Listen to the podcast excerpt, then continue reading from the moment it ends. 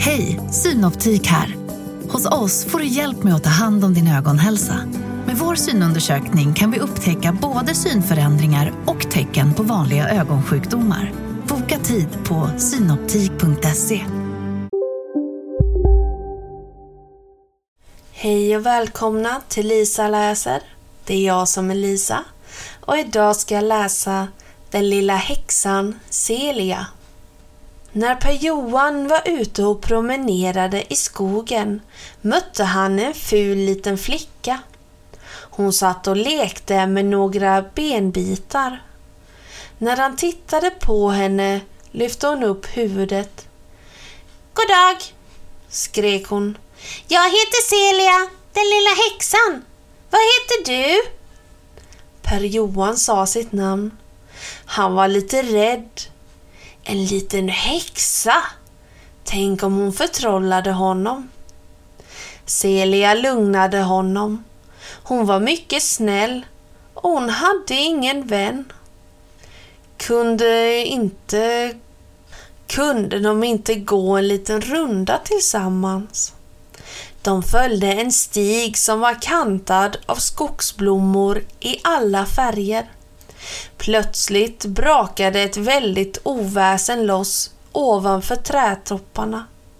En häxa som var ful som en padda satt på en kvast och förföljde en flintskallig örn. Det här är min skog! skrek hon. Ge dig iväg härifrån, förfärliga fågel! Örnen gav sig iväg. Med munnen vidöppen satt Per-Johan och tittade på häxan. Det är min mamma, förklarade lilla Celia stolt. Häxan slog sig ner bredvid dem. Mamma, jag har fått en vän, berättade Celia. God dag min gosse. Vill du ha lite godis? Det ville Per-Johan gärna.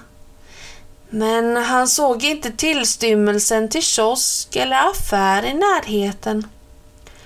Tuff, pluff, pluff och tuff, mumlade häxan. Genast stod två härliga gräddglassar framför dem. Celia och Per-Johan åt med god aptit. Sedan visade Celia var hon bodde. Hon visade sina leksaker och en jättespindel som hon älskade. Som en hund och så visade hon eh, honom ett porträtt av sin mamma. Tycker du inte att jag är lik henne? När jag blir stor kommer jag att bli lika stark som hon. Per-Johan brast ut i skratt. Trots att Celia såg så skojig ut var hon en fantastisk vän. Han kom sen ofta och hälsade på henne i skogen och bjöd henne att komma och hälsa på i hans hem i stan.